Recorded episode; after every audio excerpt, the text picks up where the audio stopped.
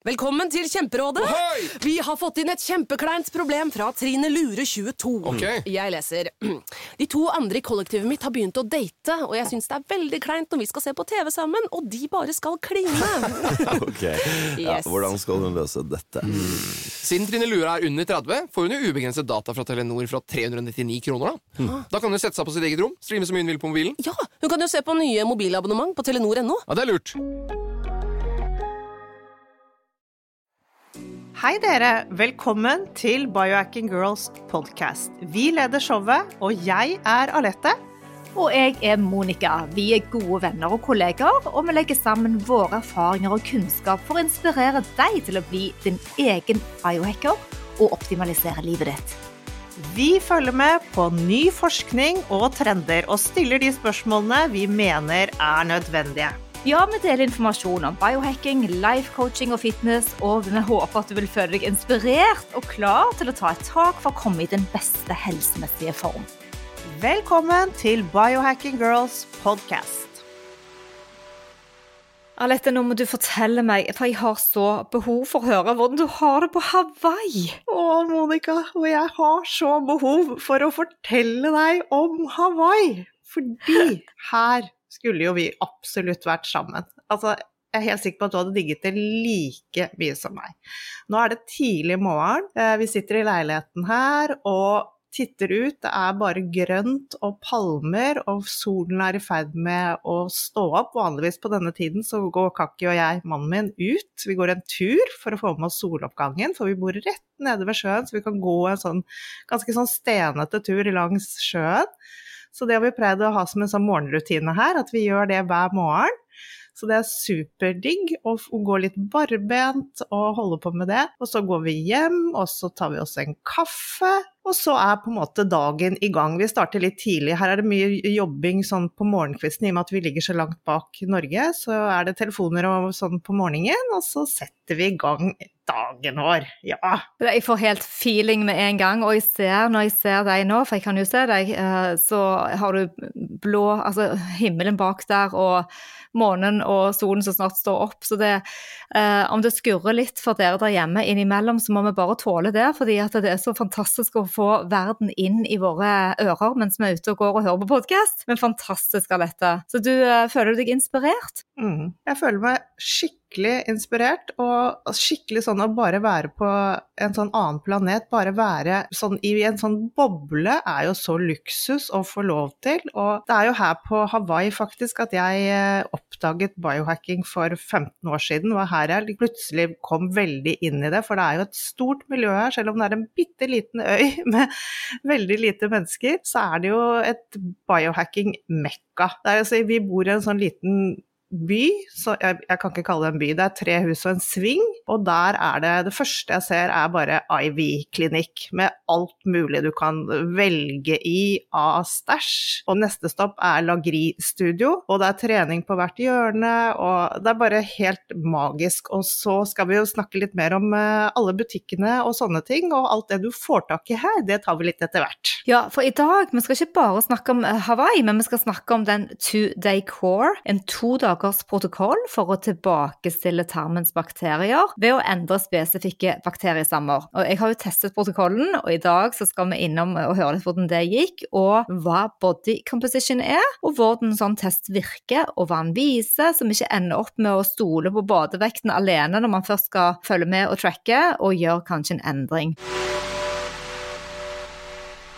Men Alette, eh, litt til om det biohacking-miljøet. For jeg vet at du har delt litt på stories nå, bl.a. Uh, Primal Kitchen og ting. Og flere har spurt eh, får man tak i dette i Norge. Det gjør man ikke. Så det er jo klart at eh, vi vil bare inspirere. Fortell. Ja, så, jeg klarer ikke å la være å legge ut alt det, alt det jeg kjøper her. Og er, en av mine morsomste ting er å gå i De har selvfølgelig Whole Foods her på øya, og så har de noe som heter Mana Foods, som er en lokal, sånn helt økologisk, magisk butikk hvor de har absolutt alt. Så der finner jo jeg alt det jeg savner i Norge, og shopper inn og tester og kan ikke få nok egentlig av sånne produkter. Og så, ja, så disse beef jerkyene har jeg nå endelig funnet i alle varianter uten sukker, som jeg har lett etter i årevis. Det selger de, og så har de selvfølgelig Primal Kitchen, som er fantastiske produkter, og de har masse forskjellige majoneser laget av avokadoolje, og til og med på Whole Foods, hvor de har vært veldig kritisert for å bruke den eh, rapsoljen i all maten de lager fersk. Der har de gått over til olivenolje. Jeg leser jo innhold på alt, så det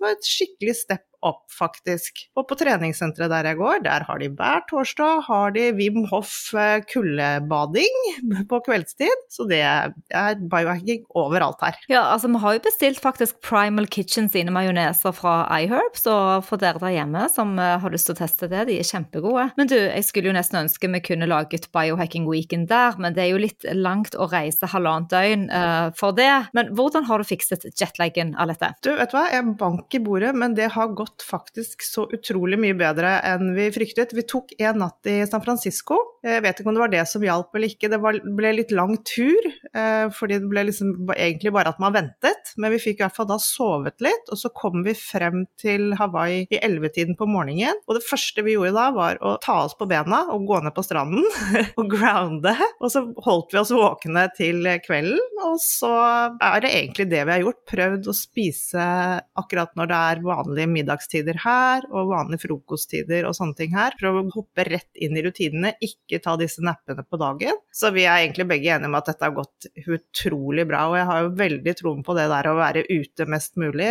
og at det er det som har hjulpet oss skikkelig. Ja, jeg har akkurat lest en artikkel nå om uh, i forhold til jetlag at det kan òg være et hack å sove en time. For man vil jo alltid holde ut, det gjør jeg òg alltid, sånn som du, uh, men at hvis man sover av seg litt, så klarer man å presse og komme seg litt fortere.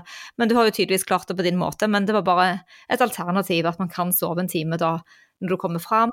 Ja. ja. men jeg har også hørt det, men vi har på en måte ikke trengt det vi har eh, Det har vært så vanskelig når du først kommer hit og Nei, vi går og legger oss litt. Nei. Det har vært mye morsommere å gjøre ting og komme i gang. Og det er jo ikke første gang vi er her, så vi er ganske kjent. Sånn at det er gøy å bare sette i gang med alt det vi, vi driver med her. Så herlig å høre, og alt du deler. Jeg blir veldig, veldig uh, keen på å komme til Hawaii, jeg òg. Jeg har jo vært en gang på Kauai uh, og elsket det. Men til dagens topic, i tillegg til å få litt inspirasjon fra deg, så har vi hatt mye fokus på fettloss den siste uken med Joel Green.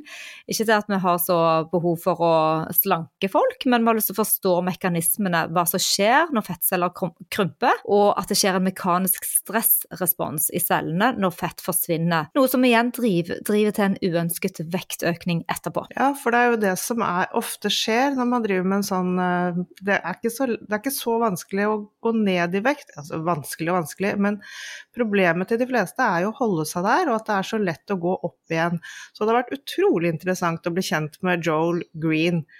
Eh, så dere, hvis dere ikke har hørt forrige ukes episode, så anbefaler vi absolutt at dere hører på den. Han tenker green, altså. Han tenker nytt, og han ligger langt foran de fleste, som selger både dietter og slankeløsninger. Fordi han adresserer faktisk dette problemet, dette med at folk går opp i vekt etter en kur. Han slipper deg ikke bare løs og bare 'jepp, nå er du ferdig'. Nei da, han passer på å adresserer problemet og snakker om det som skjer da etter at målet er nådd. Ofte kan man bli da litt sånn lei også, ikke sant. Og det er litt sånn ja, man er, har vært på en sånn high så lenge man går ned i vekt, og så Men de fleste av oss har jo fulltime jobs, vi har ikke tid til å trene hele tiden, og vi har ikke tid til å bare tenke på mat og slanking, fordi det kan ikke ta alt fokuset vårt. Men Green mener at det fins løsninger, og han jobber ut ifra en utrolig bra strategi som begge vi digger, litt av gangen. Så det er 5% forbedringsplan. og deretter, når de sitter, så er det 5% ny forbedringsplan. Og slik justerer man hormoner og tarmbakteriene blir enda mer samarbeidsvillige. Så ikke det derre kjempehoppet, men sakte, sakte. Jeg har så sansen. Veldig bra. Det hopper litt innimellom, så jeg bare gjentar at eh, du står den 5% forbedringsplanen, ikke sant, og justerer hormoner og tarmbakterier, sånn at de jobber godt sammen. Mm. Helt klart. Og de siste to ukene så på studiet, eh, som kanskje flere av dere har fått med dere nå, at jeg studerer til, til det han kaller å bli en immune-centric coach, så har det altså handlet de siste ukene om tarmbakterier. Jeg har lært så mye. Og han mener er en stor sammenheng, eh, dette vet vi jo òg, men det er en stor sammenheng som er da forsket på eh, mellom tarmer og kroppsfett, og at vi må fikse tarmene før noe annet. Store mengder med mettet fett driver inflammasjon i fettmassen i det som vi kaller for adipose tissues. Ja, det er helt riktig. Det er tre nøkkelområder i tarmene Green mener vi skal fokusere på, og det er først og fremst butyrate, dette hoveddrivstoffet for cellene i tarmen. Den hjelper cellene å gjøre jobben sin riktig, samt å opprettholde integriteten til tarmslimhinnen. Har du noe mer å tilføye der, Monica, i og med at du har studert dette litt? Eh, nei, egentlig ikke, men, eh, men, men, det som du sier, at det er et drivstoff som eh, skal fuele opp eh, cellene i tarmene, så, så, det kommer jo ofte en del matvarer som trigger denne responsen, da. Men, men hvor, hvordan får vi det i oss? Altså, ja, så jeg kommer tilbake litt grann, ja. når vi skal snakke om two day core. Så skal jeg fortelle litt om de uh, Men han er jo òg opptatt av befidobakteriene. Å oh, ja, og denne, denne bakterien er uh, veldig sånn som fibre. Den fordøyer fiberne våre og hjelper til med å, sånn at vi ikke får infeksjoner og produserer vitaminer og andre veldig ja, viktige kjemikalier som vi trenger nede i, i, i maven. Ja, men helt klart jobbe med befidobakteriene, for, for mangel på det er jo knyttet til en del sykdom. Er det noe som mange, veldig mange av oss mangler? Og så har vi jo denne Jeg tenker bare på Eva når, vi, når jeg skal snakke om akromansia, for hun er som et så stort smil når hun, når hun nevner akromansia. Og det er jo denne bakterien som ble ganske nylig oppdaget, sånn på begynnelsen av 2000-tallet, tror jeg, som, eh, som reduserer risikoen vår for hjerteinfarkt, og den hjelper oss med insulinresistensen vår og totale blodkolesterolet. Og den er vel i slimhinnene inne i tarmene våre, sånn at den er veldig viktig at vi har på stell. Ja, vi har fokus på mat, ren mat, bevegelse, og selvsagt at dette er i balanse, ikke for ekstreme varianter, verken på den ene eller den andre måten, men vi liker å måle resultatene av det vi tester. Og som jeg sa, så skal vi snakke litt om body composition-testen etterpå, og two day core-protokollen til Joel Green. Så jeg kan jo bare begynne litt da, lett å fortelle, for den har jo jeg da testet. Det er du veldig spent på? Det er jeg veldig, veldig spent på. For det har jeg faktisk ikke hørt noe om ennå. Nei, den står jo i boken på side 300, ikke, så det, det er jo å anbefale hvis dere vil lære mer om det enn det vi sier i dag, og erfaring, eller min erfaring da, så kan dere kjøpe boken til Joel Green. Men målet på sikt er å kunne det han sier på engelsk, hack into peak human health, eat whatever and offset it, and do it all on the go with no meal prep. Så han, han prøver liksom å flytte en teori, en protokoll, en måte å tenke og spise og leve på som er realistisk, som vi da snakket om, at alle har ikke tid og timevis å bruke på trening, og det vet vi jo, ikke sant? Mm. Så det er ikke gjort kliniske studier på denne to dagers protokollen, men den er testet på atleter og forskjellige helsesystem, og han har jo vært gjest på Dr. Phil og har hatt uh, jeg vet at flere tusen har testet, og mange har gått ned i vekt etter de to dagene. Og han anbefaler folk å gjøre dette regelmessig. Eh, det kan vi komme tilbake til litt senere, da, men at man hele tiden henter opp denne som en del av eh, vår måte å spise på. Mm. Uh, um, ja, for langsiktig og stabil helse, det er jo noe som de fleste av oss ønsker. Det er vel det vi holder på med hele tiden med denne biohackingen vår. Ja. å, få, å, få, klarere tanker om og, og, ja, ikke sant? alt dette, og ikke bli helt sånn opphengt i alt det nye som selges av trender innen reduksjon på vekt og alle sånne ting. Ingen ekstremiteter gjør oss godt over tid.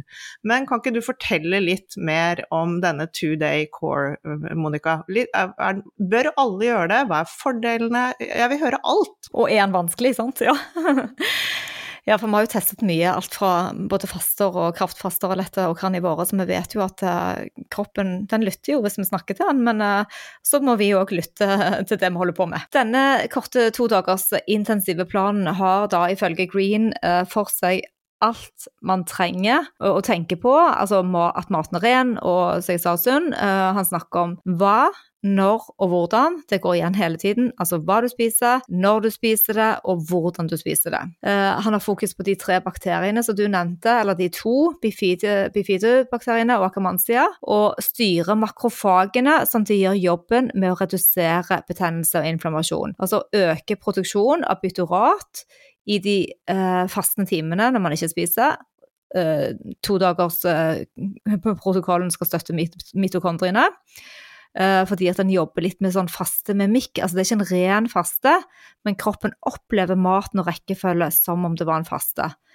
Så kan du spise det on the go, og det er ikke noe tid på kjøkkenet med meal prep. Det er superenkelt. Så som sagt var det flere tusen mennesker som har testet med gode resultater. Men du, ja, for, for to dager høres jo veldig kort ut til å kunne merke, merke noen endringer. Og hva har du merket? Du, altså, jeg kan bare si med en gang at jeg var trøtt på dag to. Jeg var veldig energisk på dag én, men når jeg var ferdig etter de to dagene og våknet eh, på dag tre, så hadde jeg overskudd og ja, jeg syns egentlig det gikk kjempebra med begge to. Altså, jeg leste på auraen min at jeg hadde jevnt god, altså 15% med dyp søvn, og litt høyere HRV. Det kan jo være tilfeldig, men jeg merker det på begge nettene, så, så det er jo klart at det, litt sånn på linningen av buksen kan man òg sjekke, selv om ikke fokuset er liksom å gå ned i vekt, så, så, kan man kjenne seg litt lettere. Du, da er både jeg og jeg regner med alle som lytter, veldig nysgjerrig hva består denne maten av? Ta dag én nå, og helt ned på detaljnivå. Nå må vi få høre. Ja, nå må jeg holde tunga rett i munnen, for det, jeg har jo notert det litt ned. Men eh, frokosten var jo da et eh, brett med eh, hva heter det, bjørnebær, blackberries. så du kjøper på Ja, og jeg fant ikke det, så jeg måtte ta det fra fryseren. Og jeg tok kanskje to brett, jeg tok ganske mye. Og ca. 100 kalorier med valnøtter. Jeg tok nok litt mer valnøtter òg. Så det er den første. Og da dynker jeg den masse med kanel Um, tanken er liksom Når du spiser disse matvarene i løpet av two day course, er det ikke det at eh, vi blir feedet, men det er bakteriene våre. Vi feeder fidobakteriene. Så det må vi bare tenke litt annerledes på for å, for å både uh, Når de blir feedet, så spinner vi opp, opp uh, effekten av å, å brenne fett. Så det er det med de mørke fruktene der, eh, som da gir flere Altså, de gir mer tilgang på B-vitamin. Jeg bare prøver å huske hva han har sagt. Um, så ja, eh, i forhold til fett oxidation, som han kaller det da, det øker. Så ja, fenolene, som jeg sa, fide fidebakteriene. Og så er det timingen da som er så viktig. For at når du har spist det første måltidet som bare da var bær og nøtter, så skal du vente Men når klokken? Ja, da gjorde jeg det til frokost klokken åtte eller noe sånt. For jeg skulle, sant? Jeg har jo en jobb og ja, ting, eh, barn og alt mulig. Så da måtte jeg regne tre og en halv time før jeg skulle spise neste. Og det gikk fint. Jeg var jo ikke sulten, for eh, jeg hadde litt kaffe og litt fløte i tillegg. Det sto ikke på planen, men det gjorde jeg. Jeg var kanskje litt ulydig der, men det kan jeg jo ikke leve uten. Så, så etter 30 minutter så det er da vi skal inn og mimike altså herme liksom fast, den fasten som skjer. Uh, og da er det bare et lite sånn uh, small snack, som han kaller det. Og da spiser jeg en håndfull med macadamianøtter, type ti nøtter, etter tre og en halv time. Og det er en sånn, han kaller det for preload, som uh, vi skal spise det 30 minutter før neste måltid. For å gi da Altså du skal hjelpe insulinet da til å jobbe bedre i det neste måltidet ditt. Så det har da en en livsforlengende effekt og en anti-aging eh, effekt på lang sikt hvis man gjentar denne todagersprotokollen. Eh, så da får du både benefit, eh, altså fordelene fra fasting, og fra å spise. Så var det neste, da. Det er ganske komplisert, skjønner du. Så neste etter det, mm. så er det da en um, lunsj. Jeg hadde da kyllingfilet uten skinn, ca. 200 gram. Og så hadde jeg kalde, sorte bønner. Og de kjøpte jeg bare uh, ferdigkokte fra en sånn boks. Hakket en hel paprika. Hadde masse tacosaus. Han bruker mye sånn mild tacosaus. Den har jo ingen sukker i seg og heller ingen eh, kalorier, holdt jeg på å si, fett. Og så hadde jeg 100 kalorier med ost, og det tok jeg òg litt sånn på Jeg tok noe geitost. Uh, ja. Videre så skal du vente i tre og en halv time igjen før du nok en gang gjør en sånn preload snack, og da var det en halv avokado som var veldig viktig da. Eh, og igjen så er det det at eh, man skal gi litt fett før det store måltid, måltidet akkurat på dette eksakte tidspunktet. For det er jo det han snakket om what, when and how, sant. Uh, og det har en avokado en sånn effekt at den igjen skal, på samme måte som det forrige preloaden, senke insulinet til neste måltid. Så var det hovedretten, da, holdt på å si, middagen. Jeg skulle ha grillet tunfisk, men de, jeg fant jo ikke noe tunfisk, så jeg må bare innrømme at jeg tok en tunfisk på boks, men jeg vet at du kunne tatt en annen fisk da, for det står i boken. Så hadde jeg grønne rå bønner og rå asparges, og det er jo litt vanskelig å spise, for det har jeg ikke gjort så veldig mye, men han ønsker helst uh, rått. Eh, hakket masse hodekål, og så kuttet disse grønnsakene med masse krydder og løk og hvitløk og vineddik og så disse cruciferos har jo mye fiber i seg, så det er jo veldig bra for igjen å stimulere bifidobakteriene. Så, og på den måten så, så driver vi produksjon av butyrat igjen. Så det, da var jeg ferdig med maten. Og hvis du får cravings på kvelden, så snakker Johan om denne her eh, glysin, altså jello, uh, gelé. Sånn low carb gelé som man kan lage.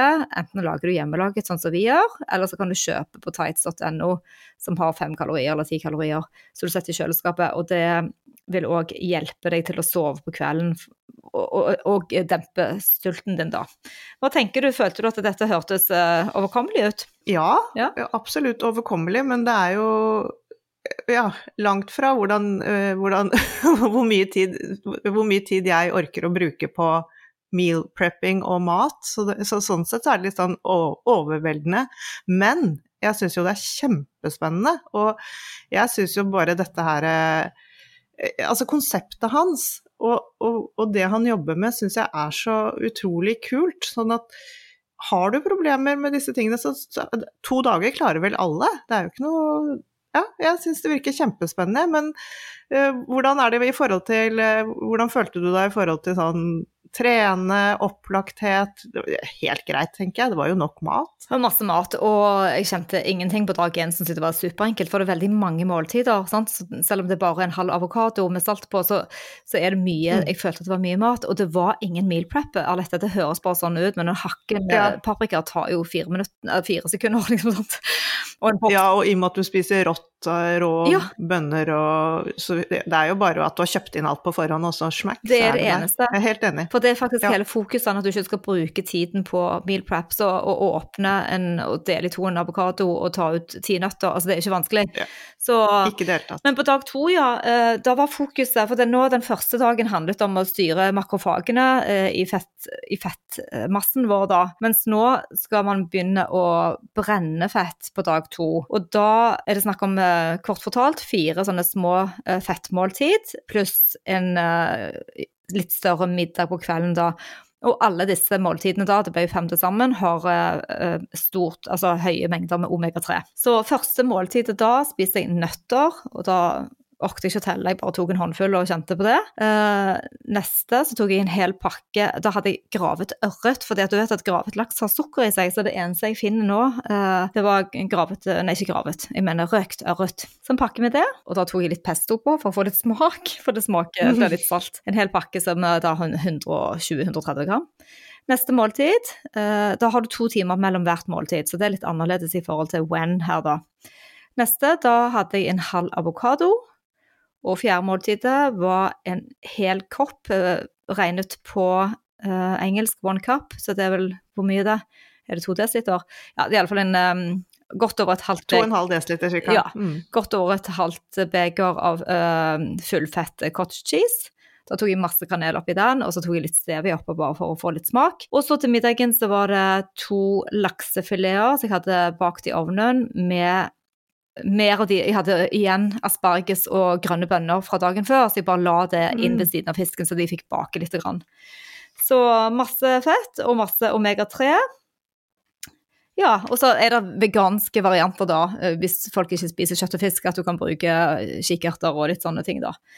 Men uh, jeg synes da var jeg litt trøtt utpå ettermiddagen. Jeg kjente jo at, det, at det, Mm. det tok Men han mener jo at dette, dette mønsteret å spise på kan man repetere både ukentlig og månedlig, og ha det som en del av opprydningen uh, i alt vi spiser, og at det gir en frihet til å spise hva man vil, eh, på mange måter da. Selvfølgelig ikke junkfood, men, eh, men at du blir friere. Så du kan hele tiden hente deg inn fordi at du får styrt alle de riktige tarmbakteriene der de skal. Ja, fordi det, dette, dette setter i gang prosessen disse to dagene, så når tarmene nå begynner å jobbe med de riktige bakteriene. Det er tanken bak, ikke sant? Ikke sant? Og så var jeg ganske trøtt sånn i femtiden, i firetiden var det. Eh, Jeg skulle på eh, trening da. Og så går jeg opp på tredemøllen, og så kjenner jeg at jeg holder meg på sone to da, og liksom, så tenker jeg nei, hvorfor ikke? Ok, jeg fyrer opp på sprint, så jeg går opp på 16, og sprintet da, da tok jeg fem 20-30 sekunders eh, økter, altså med ett hvileminutt mellom da. Og ble kjempevarm, og så gjorde jeg styrketrening i 25-30 minutter uten problem. Jeg fikk energi av det da. Så den sprinten var ganske gøy. Har du gjort det selv, Alette? Du, dette var gøy. Dette med Ja, fordi jeg har også nå drevet og testet litt eh, sånn sprinting, faktisk. Jeg syns det er kjempespennende i forhold til at jeg har lest så mye om hvordan det er en helt fantastisk måte å bli kvitt dette visceral fettet vårt. Dette som ligger rundt organene. Og det at det tar så, tar så liten tid. Det er jo så utrolig effektivt. Men, eh, men, men, man skal jo være litt forsiktig når man Man skal ikke bare, som, som jeg husker jeg spurte Joel Greenham du reiser deg vel ikke bare opp av stolen og bare sprinter? Så det er jo en sånn, du må jo varme opp når du ikke har gjort det før, og bygge deg opp til å få en sånn um, sprint. Og da ta en sånn én til, uh, til fem sprinter kan man jo starte med, litt kortere, og så kan man gjøre det på forskjellige måter. Og det er jo kjempeeffektivt. Jeg har testet litt, jeg også, jeg syns det er supergøy. Hvor lenge gjør du den sprinten din da? Nei, jeg har bare gjort 20 sekunder. Sånn som meg. Og vet du hva, fem Ja. sånne, og du trenger ikke mer. Eh, men som du sier, bygger deg opp, ja.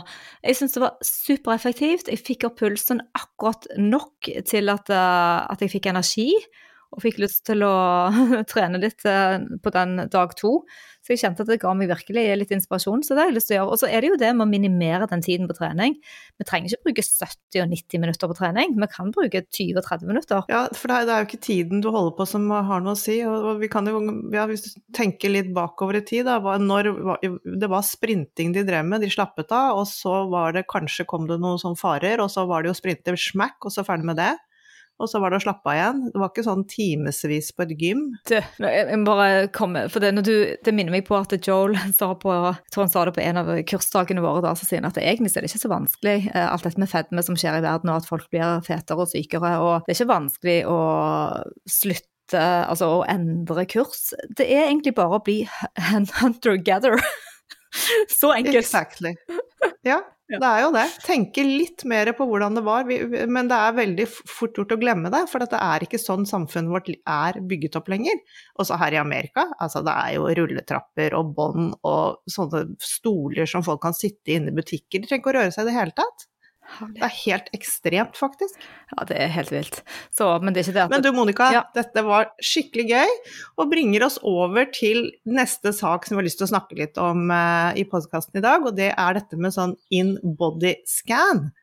Eh, og hva dette er, og hva, hva det tester, og ja, i forhold til andre ting. Ja, altså, hvordan kom du egentlig over dette? For dette kan du mye mer eh, om enn meg, og, men det er jo av deg at jeg har gjort en bodyscan. Jeg har faktisk funnet fram min bodyscan, så jeg har den foran meg nå. Ja, det var kult, fordi jeg har ikke min her. Men jeg kan i hvert fall fortelle at Nei, vi har jo snakket om det lenge, Monica, dette at vi hadde lyst til å gjøre sånn DEXA-scan. Mm. Men så var jo ikke det så veldig tilgjengelig for oss, eh, selv om vi bor i Oslo, så var ikke det så lett tilgjengelig. Og så begynte jo jeg på CrossFit, og der har de da et annet apparat som er omtrent like eh, like sånn accurate som DEXA-scannen, som heter in body scan. Og når du begynner på CrossFit, så får du tilbud om å ta en sånn scan, og det er da for å måle, analysere hvordan kroppen din er satt sammen. Den måler både kroppen din og gir en detaljert rapport som ikke er altfor vanskelig å forstå.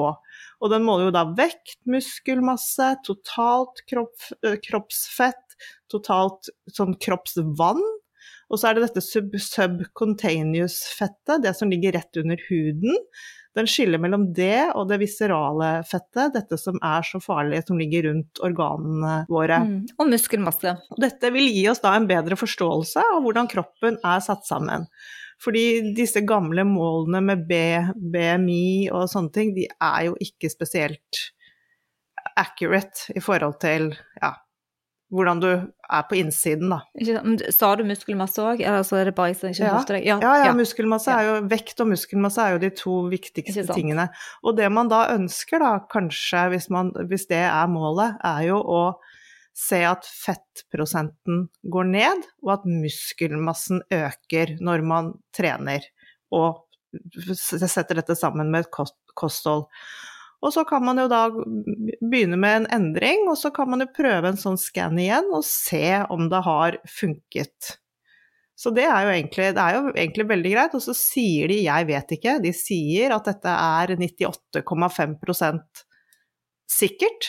Disse tallene man får, det, det kan man jo spekulere i, men i forhold til uh, um, Dexascan, som, som til nå da, i hvert fall er det mest uh, accurate, så skal det være ganske likt denne in-body-scannen. Men hvor ofte, for jeg, jeg tenkte at det kanskje kunne vært gøy å måle hvis jeg tar den The Two Day Core litt til fremover nå, og så gå igjen da, når burde man måle det, hvor ofte har de anbefalt at man måler for å se resultater? Nei, det er ikke noen anbefalinger på det, det bestemmer du helt selv, men hver tredje måned er jo helt supert, for du, du trenger jo litt tid for å se noen endringer. Selvfølgelig. For det, det bringer meg til et spørsmål jeg lurer på. Når du har gjort dette, du har gjort det litt flere ganger enn meg, og da Ja. har de målingene du har sett, har de gitt deg de svarene som du da søkte når du begynte på CrossFit, stemmer de tallene med det som var dine forventninger i forhold til? Jeg, ja, jeg har, eh, jeg har økt muskelmassen min, det kan man si. Ja. Og, ja, altså, du har nådd de målene du hadde lyst til å nå. Ja, jeg er fremdeles på den reisen, da, fordi målene mine nå er jo å holde på muskler. I forhold til det å bli eldre og sånn, så er jo dette med muskler kjempeviktig. Så det, det er et mål jeg har, at ikke musklene mine skal forsvinne. Det er et av mine hovedmål. Det tror jeg er noe av det viktigste man kan gjøre for helsen sin. Og det er klart at det, ingen kan jo vite det med mindre man måler hvordan det faktisk står til. Så det, Nei. men hvordan syns du den crossfiten har vært? Fortell, jeg vet at du er så entusiastisk og har jo blitt med deg på noen økter. Ja, jeg har faktisk ikke delt så veldig mye om det, for dette har vært litt sånn min private greie siden eh, Ja, det begynner nesten å bli et år siden jeg begynte på CrossFit, og det er faktisk noe jeg har hatt veldig lyst til i sikkert ti år, men alltid syntes det har virket kjempeskummelt, som alle andre som bare har hørt, hørt om det. Men så bestemte jeg meg etter jul eh, for at nå skal jeg starte, nå trenger jeg pep, nå trenger jeg ny motivasjon, gjøre noe nytt. Og da startet jeg med crossfit, og har holdt på med det siden, og er jo da selvfølgelig helt sånn nyfrelst crossfit-fan, kan man vel egentlig si. Så ja, hva lurer du på, Monica? Nei, for Jeg vet jo at det har vært en del skader forbundet med crossfit, og jeg har trent en del kunder som har kommet til meg på Core Balance ned fordi de har ønsket å bli tynnere og slankere igjen etter de har blitt veldig store. De har lyst til å få en linere kropp igjen og mindre smerter. for det men det, jeg tenker jo at det, det handler mye om kroppskunnskap og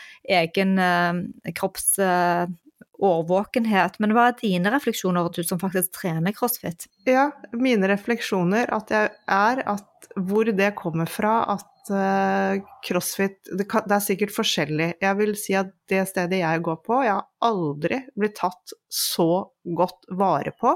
For det første så får du ikke bevege deg inn i det gymmet før du har hatt så og så mange privattimer. Og du får ikke lov å legge på en vekt før alt er helt korrekt.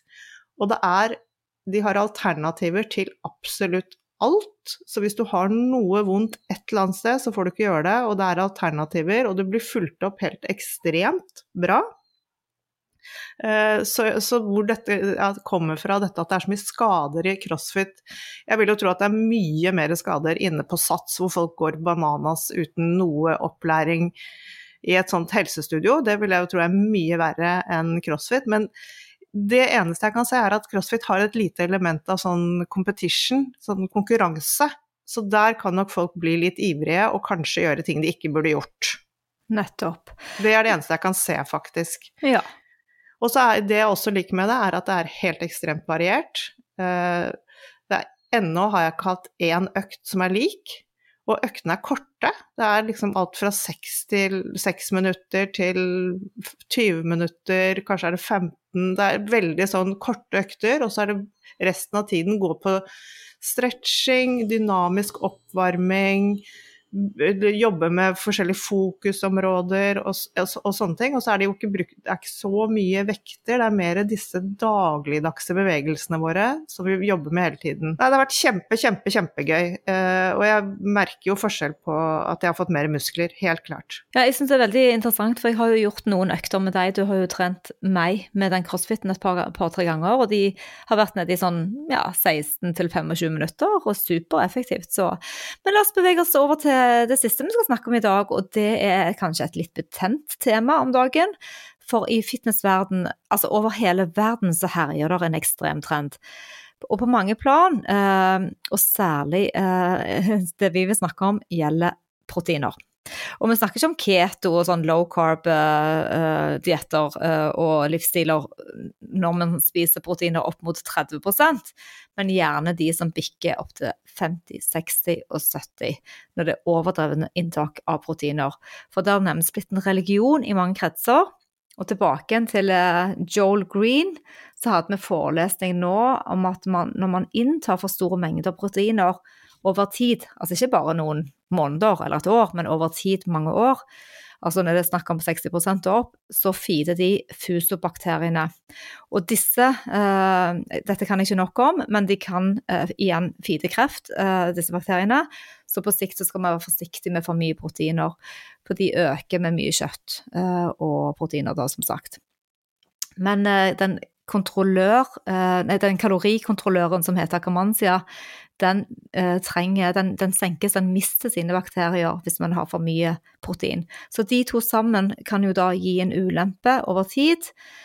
Så, men hva tenker du rundt eh, proteiner, eh, Alette? Jeg vet at du elsker kjøtt, sånn som meg. Ja, eh, og det kan vi bare fortsette med. Men det jeg ikke elsker, er disse ekstreme trendene som hele tiden eh, Sånn som vi har holdt på nå over alle disse årene, Monica, hvordan vi har sett dette med keto, hvordan det har da gått fra å være moderat protein til nå å skulle bli dette her, her helt ekstreme proteininnholdet. Akkurat som vi hele tiden må gå til disse ekstreme ytterpunktene for så å falle tilbake igjen.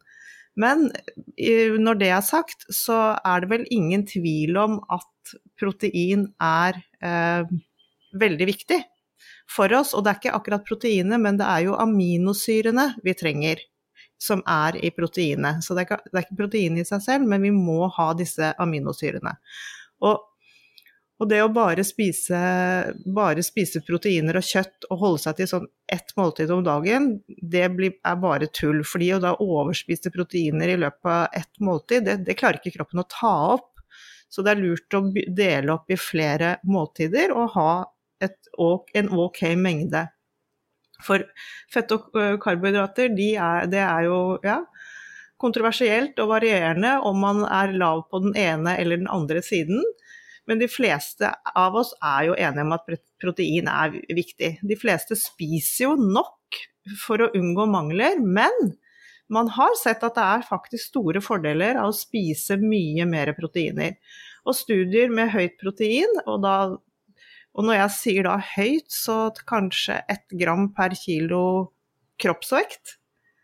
Eh, det har veldig god metabolsk helse, og det kan hjelpe på fettreduksjonen. Det, fordi det reduserer appetitten vår og sulten.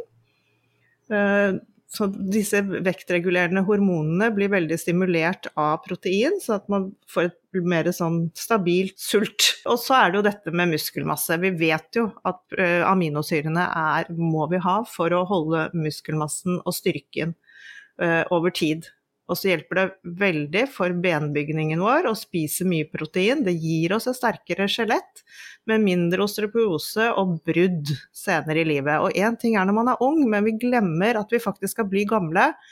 Og hva ser vi? Du, du, ser jo eldre mennesker, de forsvinner jo helt hen. Og det er fordi muskler forsvinner, de klarer ikke å spise nok proteiner. Og så faller de og får et brudd, og så er det gjerne sykehjem etter det, fordi det er vanskelig å få det i seg når man er eldre.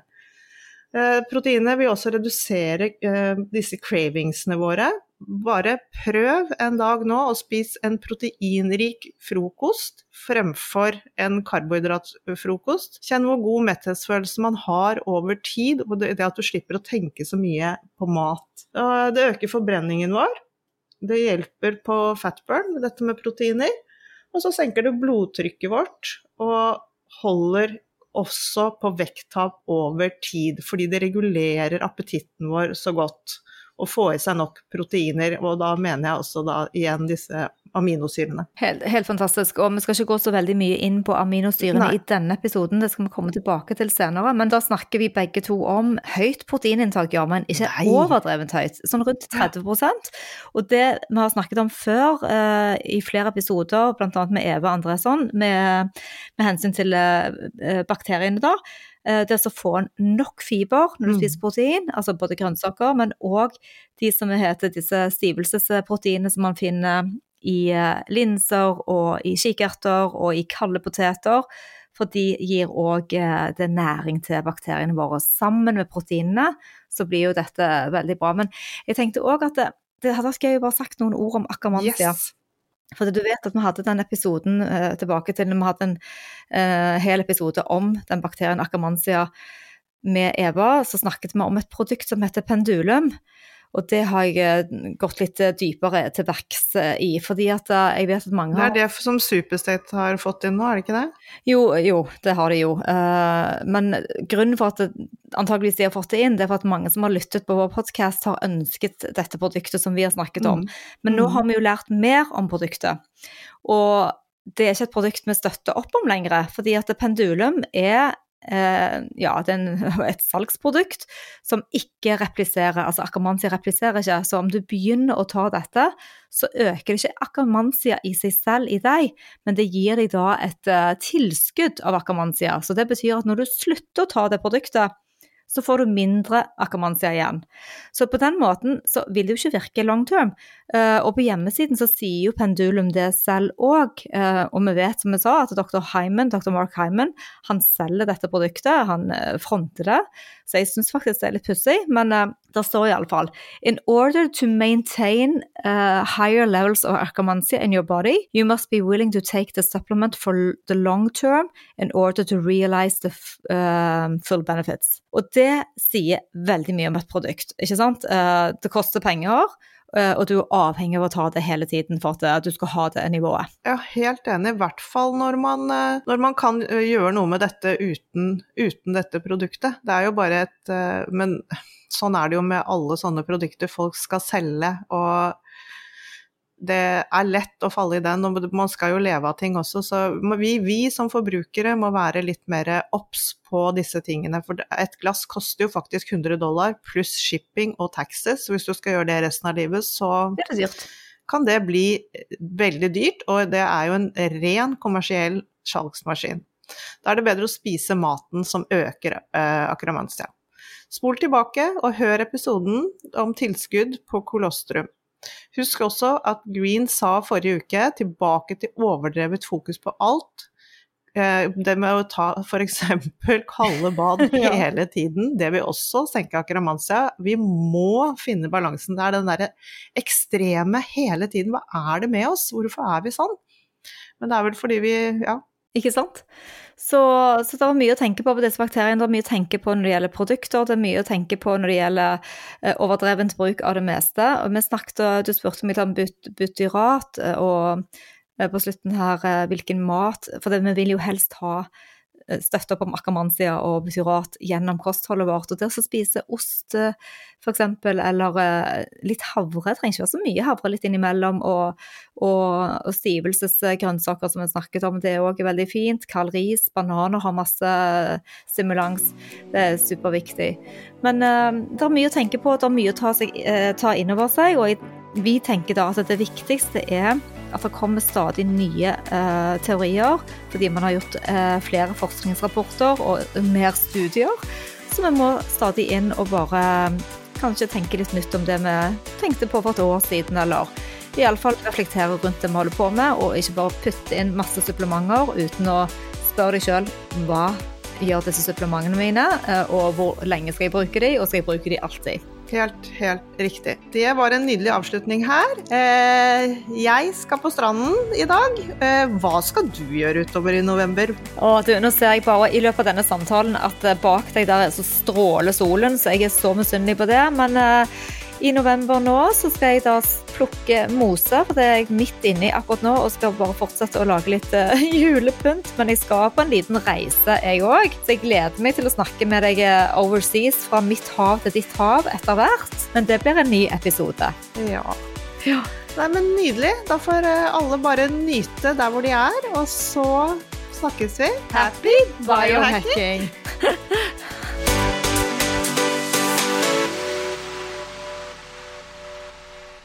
Vi minner om at dere må snakke med egen lege eller kostholdsveileder om dietter og andre spørsmål relatert til medisiner og supplementer. Informasjon vi deler, kan ikke bli brukt til å diagnostisere, behandle, forebygge eller kurere noen sykdommer eller tilstander.